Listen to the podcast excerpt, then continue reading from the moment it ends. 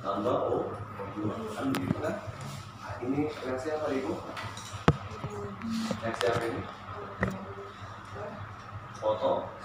Fotosintesis kan? Jadi kalau kita lihat dari senyawa-senyawa yang terdapat dalam reaksi ini coba kamu perhatikan. Ini ada dua unsur yang menyusun senyawa. Ada dua juga berarti di sini ada tiga. Ya nah, dalam satu senyawa. Berarti dengan kata lain siapa yang lebih kompleks di sini? Yang sebelah kanan ya yang bawah kanan ya. Dengan kata lain ini yang kecil menjadi besar. Yang kecil menjadi besar namanya apa? Menyusun. Menyusun itu siapa? Anabolisme. Karena juga fotosintesis tadi. Anabolisme. Tapi ada satu sifat di sini di mana dia membutuhkan apa? Energi cah- cahaya. Berarti dengan kata lain dia bersifat endergonik jadi bisa dikatakan juga seperti ini. Ini CO2 memang senyawa karbon. Tapi semua senyawa karbon semua senyawa karbon itu adalah senyawa organik. Semua senyawa karbon yang punya unsur karbon itu adalah senyawa organik kecuali CO2 dengan kata lain ini anorganik. Ini anorganik. Ini organik. Berarti dengan kata lain ada perubahan. Anorganik menjadi organik. Bisa? Itu namanya anabolisme sedangkan sedangkan yang kedua kita balikan yuk. Ah balikan arahnya. Yuk C0 12 6 tambah oksigen menghasilkan H2 tambah CO2 pasti ada dihasilkan yang namanya ener- energi menghirup oksigen mengeluarkan karbon dioksida proses apa itu? respirasi. Di dalam respirasi apa yang dirombak senyawa organik menjadi senyawa atau anorganik. Tapi sifatnya menghasilkan ener- energi atau ekstergonik menghasilkan energi maka sifat dari ana- katabolisme atau distimulasi adalah bersifat ekster ekstergonik apa maksudnya ekstergonik tadi? Menghasilkan ada dihasilkan ATP sebagai produk. Kan begitu ya? Tetapi yang namanya anabolisme pasti bersifat ender endergonik apa itu tadi endergonik dia membutuhkan energi. Tapi energi dalam kasus ini adalah energi cahaya matahari. Bisa paham sampai situ? Oke jadi sebagai motor di dalam tubuh kita harus diperlukan suatu enzim sebagai biokatalisator saya buatkan di sini enzim itu sebenarnya kalau saya runut uh, bagaimana enzim ini dapat dirombak menjadi sesuatu. Kita ingat, sintesis protein di mana, Ibu? Sintesis protein, pembentukan protein di mana tempatnya? Ribosom. Pembentukan protein itu ada di ribosom. Sudah? Retikulum endoplasma ada berapa macam? Retikulum endoplasma yang kasar dan halus. Oke, yang kasar kenapa namanya kasar? Karena melekat di ribosom. Sebenarnya ribosom itu ada yang tersuspensi atau berada di dalam sitoplasma, tetapi ada yang melekat pada retikulum endoplasma, kan begitu ya? Maka retikulum endoplasmanya jadi ka- kasar. Maka protein-protein yang dihasilkan pada ribosom yang melekat pada RE sudah satu sel ini inti selnya ada retikulum endoplasma ada kasar ada ribosomnya. Di sini juga ada ribosom kok. Sudah? Fungsi dari ribosom tadi apa? Sintesis protein. Maka protein juga dibentuk di sini tapi dipakai untuk metabolisme di dalam sel. Ngerti itu hanya dipakai untuk metabolisme dalam sel. Terus ribosom yang melekat pada RE untuk apa? Itu nanti akan proteinnya akan diangkut oleh siapa? Retikulum endoplasma bisa diekspor keluar sudah? Bisa juga nanti dibawa ke badan Golgi sudah? Bisa juga nanti dibawa ke membran sel. Maka di membran sel ada lipoprotein. Ada protein integral dan perifer sudah maka dengan kata lain sebagian besar dari protein yang dihasilkan oleh ribosom yang melekat pada RI itu dibawa ke badan Golgi sudah dibawa ke badan Golgi. Untuk apa dibawa ke badan Golgi? Akan disekresikan menjadi bentuk-bentuk yang lain. Dalam bentuk apa? Enzim. Dalam bentuk apa? Hormon. Dalam bentuk apa? Sistem imun. Itu semuanya dihasilkan oleh siapa? Badan Golgi. Dengan kata lain, yang membentuk enzim berarti siapa? Badan Golgi dong. Yang membentuk hormon berarti siapa? Badan Golgi. Semua hormon pada umumnya terbentuk dari protein atau asam amino kecuali hormon belakang. Saya ulangi, semua hormon pada umumnya adalah asam amino atau protein, kecuali hormon kelamin. Memang hormon kelamin terbentuk dari apa? Steroid atau kolesterol. Jadi hormon kelamin mau estrogen, progesteron, testosteron, androgen itu semuanya adalah dari lemak. Ya, oke. Kembali ke sini. Bahan dasar dari enzim apa? Protein dong. Makanya dikatakan merupakan protein. Enzim itu merupakan protein atau merupakan turunan dari protein. Ya, merupakan protein. Kemudian enzim itu berperan sebagai biokatalisator. Berperan sebagai biokatalisator. Ya, biokatalis. Perhatikan. Biokatalisator itu bio artinya apa? Bio berarti panggil, katalis berarti pengurai ya. Dengan kata lain, ada enzim di mulut kita nih bu. Enzim apa namanya? enzim peti petialin apa yang diubah oleh enzim petialin amilum menjadi maltosa atau glukosa amilum menjadi maltosa itu aja dulu kita sepakat ya. Amilum menjadi maltosa. Siapa yang mengubahkan tadi? Enzim petialin siapa yang diubahkan? Amilum apa produknya? Maltosa. Apa yang diubah? Amilum berubah enggak enzimnya? Ngerti maksudnya? Ada yang diubah. Ada produknya tapi dia nggak ikut berubah itu namanya adalah biokatalisator enzim itu adalah mempercepat suatu reaksi tetapi tidak ikut bereaksi mempercepat suatu reaksi tetapi tidak ikut bereaksi. Itu namanya biokatalisator bisa paham sampai situ? Kemudian selanjutnya enzim itu bersifat khas. Bersifat khas atau spesifik. Saya kembali ke enzim di mulut tadi. Enzim di mulut mau apa? Amilum menjadi maltosa. Apa produknya? Maltosa. Yang diubah apa? Bisa nggak diuraikan protein menjadi asam amino di mulut? Nggak, nggak bisa. Otomatis nggak bisa. Kenapa nggak bisa? Cuma satu enzim di sana. Enzim apa namanya? Pitialin. Dengan kata lain, pitialin bisa mengubah protein menjadi asam amino? Nggak bisa spesifik. Bisa nggak? Ini uh, tutup uh, spidolku untuk rubenmu bisa nggak? nggak bisa itu bukan pasangannya ngerti maksudku nah, itu namanya spesifik. Bisa nggak kunci motor ini menggunakan untuk mobilmu? Eh nggak bisa. Kenapa nggak bisa? Nggak spesifik bukan pasangannya gitu ya. Kalau ada yang bisa dipasangkan dengan yang bukan pasangannya bahaya. Nah, gitu kan? Nah, ada seorang laki-laki dipasangkan dengan bukan pasangannya bahaya kan? Nah, sama engine juga seperti itu. Dipasangkan dengan yang bukan pasangannya. Itu nanti menjadi faktor penghambat tapi nanti tidak kemudian selanjutnya yang namanya enzim itu bekerja bolak-balik. Ya bekerja bolak-balik atau bersifat irreversible. Eh, sorry. Bersifat reversible ya. Reversible. Reversible maksudnya gini. Siapa yang diubahkan oleh enzim pitialin tadi? Amilum siapa yang dihasilkan kita kembali ke situ. Kita bolak-balik nanti ke situ. Maka siapa produknya?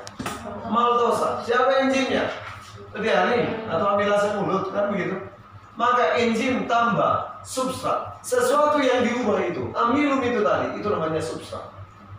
Maka enzim tambah substrat, hasilnya adalah kompleks enzim substrat. Kompleks gabungan dari dua-duanya. Kompleks enzim substrat dapat diuraikan lagi menjadi apa? Enzim tambah substrat tambah produk. Ada produknya? Siapa produknya tadi? Maltosa udah gitu aja kan bolak balik lagi itu namanya reversible bisa paham sampai situ? Kemudian enzim itu dapat bekerja dengan cara menurunkan energi aktivasi jadi dengan kata lain enzim tidak akan bekerja apabila energi aktivasinya tinggi. Berarti harus diturunkan dulu. Ah, itu energi aktivasi. Ada di fisika? Energi aktivasi? Energi yang memulai suatu reaksi. Energi yang memulai suatu reaksi harus turun dulu baru enzimnya dapat bekerja. Jadi itu berbanding terbalik. Saya ulangi sekali lagi, enzim tidak akan bekerja kalau energi yang dipakai untuk memulai reaksi sudah tinggi. Harus rendah dulu, baru dia nanti bekerja. Ya, nah itu selanjutnya. Kemudian yang namanya enzim uh, dipengaruhi oleh beberapa faktor. Cara kerjanya dipengaruhi oleh ya, cara kerjanya dipengaruhi oleh yang pertama adalah suhu. Jadi suhu yang paling sesuai, uh, udah diukur suhu tadi adekku, dan diukur tadi suhu, berapa suhu? Normal. Kenapa nggak 39 atau 40 aja? Jangan demam, iya benar. Karena kalau kita demam, artinya engine kita nggak bekerja secara maksimal.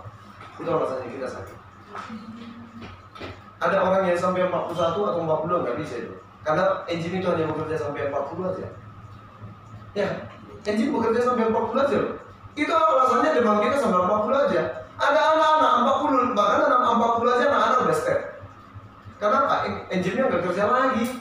Denaturasi loh. Ngerti ya? Atau bisa terlalu rendah? Nggak bisa. Mengalami penggumpalan atau koagulasi.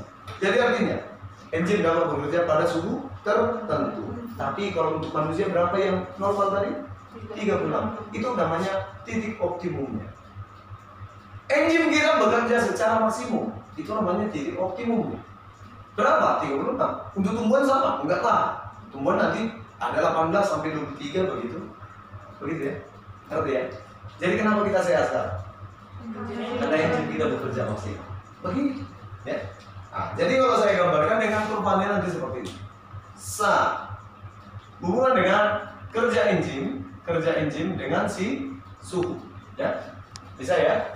Ah, jadi itu bentuk kurvanya nanti seperti ini. Ada pertanyaan sampai sini? Belum ada? Jadi yang suhu tergantung individunya. Kalau manusia tadi 30, nah itulah titik optimum. Oke, lanjut. Yang kedua, yang kedua adalah ada pH atau tingkat keasaman. Tingkat keasaman. Ada nggak di bagian tubuhmu yang bekerja suasananya asam? Ada. Ada siapa namanya? Ada enzim di lambung? Enzim apa namanya? P E Pepsi. Enzim Pepsi. pH di lambung berapa, Riko? 2 sampai 3. 2 sampai 3. Terus pernah muntah? Rasanya asam? Asam dong, ada asam lambungnya. ACL-nya. Terus kenapa kalau kenapa kalau misalkan udah sampai di usus, di usus halus nggak asam lagi? Artinya harus ada buffernya. Harus ada penyangga. Berarti dengan kata lain, kenapa di usus penyangganya nanti di situ adalah batu berupa natrium bikarbonat. Natrium bikarbonat di usus halus nanti menetralkan pH. Pertanyaannya sekarang ada, kenapa harus dinetralkan dulu di ususmu? Kenapa nggak di sini aja dinetralkan? Karena enzim di sini memang kerjanya dalam suasana asam. Tapi kalau di usus halus harus netral. Netral kan? pH-nya berapa? 6 sampai 7. 6,8 sampai 7,2. Berarti 7 netral. Maka kalau kita gambarkan dalam bentuk kurva. Ini gambar ini pernah ditanya di SBMPTN. Ditanya, ini X, ini Y. Ini pH, ah, sorry, ini kerja enzim, ini tentang pH. Hubungan pH dengan kerja enzim. Pertanyaannya, siapa X? Enzim apa itu tadi? Enzim pep pepsin. Apa yang diubah oleh enzim pepsin di lambung? Protein menjadi pepton dan proteosa. Protein menjadi pepton dan proteosa. Hanya itu yang kerja di sini lebih. Sisanya harus nggak boleh. Bisa ya? Bisa. Lanjut. Selain pH, ada juga yang dinamakan konsentrasi konsen konsentrasi konsentrasi substran. Lo kaman apa yang kamu makan kan? Nasi. Nasi. Oke, sekarang tanya. Kamu makan nasi dua piring atau tiga piring atau satu satu dalam bisa nggak? Manfaatnya yang bermanfaat untuk tubuhmu berapa berapa banyak? Ayo satu piring pun baru banyak nih. Sekarang pertanyaannya, ada gunanya? Kamu makan satu dalam? Berguna. Karena enzimmu juga terbatas kok. Tapi kalau makan satu sendok cukup? Nggak cukup. Dua sendok? Tiga sendok? Apa sendok sampai sepuluh sendok? Cukup, cukup. Tapi kalau udah banyak, nggak guna. Karena terbatas enzim. Maka saya gambarkan dalam bentuk kurva. Seperti ini. Kerja enzim terhubungannya dengan konsentrasi susu. Awalnya berbanding lurus. Semakin banyak kau makan, satu sendok naik. Satu sendok naik. Satu sendok naik. tapi pada titik maksimumnya. Ini kecepatan maksimumnya di sini. Sudah? Kecepatan maksimumnya maka dia akan bekerja secara konstan. Berhenti sampai di situ aja karena engine-nya apa? Terbatas. Kemudian selanjutnya. Selain konsentrasi substrat, ada konsentrasi engine. Yang membatasi tadi adalah engine-nya kan, Dik? Iya kan? Engine yang membatasi kan? Ah, kalau ini gimana? Ah, reaksi kimianya atau kerja enzim dengan ah, konsentrasi konsentrasi enzim. Tapi ini berbanding lu lurus. Semakin banyak enzim, semakin banyak juga metabolisme yang terjadi kan begitu ya. Ah, kemudian yang terakhir, yang terakhir adalah inhibitor. Apa yang dimaksud dengan inhibitor deh? Faktor penghambat bagus. Semakin banyak nanti polisi tidur aku naik motor, makin cepat atau makin lambat? Makin lambat dong. Maka hubungannya gimana? Bisa ya? Bisa ya nih? Nah, itulah dulu faktor-faktor yang mempengaruhi. Ternyata yang namanya engine itu seperti gembok dan kunci yang bekerja dengan substrat. Sap, sap, sap, sap, sap, sap, sap, sap, sap, sap. Ini namanya engine. Saya gambarkan ini substrat. Substrat. Oke, saya gambarkan lagi di sini. Ada namanya inhibitor. Saya bertanya, saya mau tanya, ini bisa masuk ke sini? Ini bisa masuk ke sini? Gak bisa. Maka sisi pada engine yang bisa ditempati oleh substrat namanya sisi aktif. Sisi yang tidak dapat ditempati oleh substrat namanya sisi pasif atau allosterik. Sisi pasif atau allosterik, ya. Pasif atau allosterik. Saya hanya jelaskan yang penting-penting aja ya. Nah, kemudian ini bisa masuk ke sini. Bisa nggak? Oh bisa dong. Kan bentuknya sama. Bisa masuk? Bisa. Tapi ada juga yang kayak gini. Bisa masuk ke sini, kira-kira. Dari bentuknya, bisa ya. Ada sekarang ini. Perhatikan. Maka inhibitor itu tadi faktor apa? Penghambat. Inhibitornya adalah faktor penghambat. Kalau ini masuk ke dalam, ini masih bisa masuk ke dalam. Gak bisa. Berarti inhibitor ini namanya inhibitor kompetitif. Inhibitor yang bersaing dengan siapa? Substrat untuk menempati sisi aktif. Sudah? Sedangkan inhibitor yang ini namanya non kompetitif yang hanya menempati sisi pasif atau allosterik. Bisa paham sampai situ? Kalau ini masuk ke dalam, kalau ini masuk ke dalam, apa yang terjadi? Berubah bentuknya. Struktur dari engine-nya jadi berubah. Itu dampak dari inhibitor non kompetitif. Sudah? Sedangkan kalau ini masuk ke dalam, apa yang terjadi? Maka engine tidak dapat bekerja. Karena terhambat oleh si inhibitor. Sekarang, bagaimana caranya? Supaya lebih banyak kemungkinannya, lebih besar kemungkinannya, substrat ini bergabung dengan sisi aktif. Apa? Apa? Inhibitornya harus hilang, kebetulan nggak bisa hilang. Maka caranya adalah bagus, itu jawabannya. Konsentrasi substrat ditingkatkan untuk menghindari dampak dari inhibitor kompetitif. Bisa paham? Maka inhibitor kompetitif dapat diatasi dengan cara meningkatkan konsentrasi substrat, tapi inhibitor non kompetitif tidak dapat diatasi dengan meningkatkan konsentrasi substrat. Malah dia akan merubah struktur dari enzim. Seseorang bisa minum racun? Bisa. Racunnya sebagai apa? Inhibitor. Maka enzim kita nggak bekerja. Matilah kita di zona merah dia. Memang begitu racunnya itu sebagai inhibitor. Kita keracunan makanan itu berperan sebagai inhibitor. Maka enzim kita nggak bekerja. Itu alasannya kalau aku masih ingat kalau ada orang keracunan karena di kampung sana, di kampung kami sana banyak kali yang apa? Petaninya semua di sini kan begitu. Yang mereka lakukan adalah bertani. Biasanya nanti ada orang yang sudah beban hidupnya kayaknya melebihi uh, beban apa ini semua, maka dia minum minum racun. Biasanya orang yang minum racun biasanya dikasih banyak apa? Gula. Karena bergula yang dikasih banyak. Ya itu tadi, berarti racunnya itu bersifat inhibitor kompetitif. Tingkatkan substratnya supaya jangan racunnya yang dicerna dalam tubuh yang bergabung dengan enzim. Begitu, maka biasanya itu jadi muntah dibuang. Begitu kira-kira. Bisa paham sampai sini ya? Bisa ya? Oke, lanjut.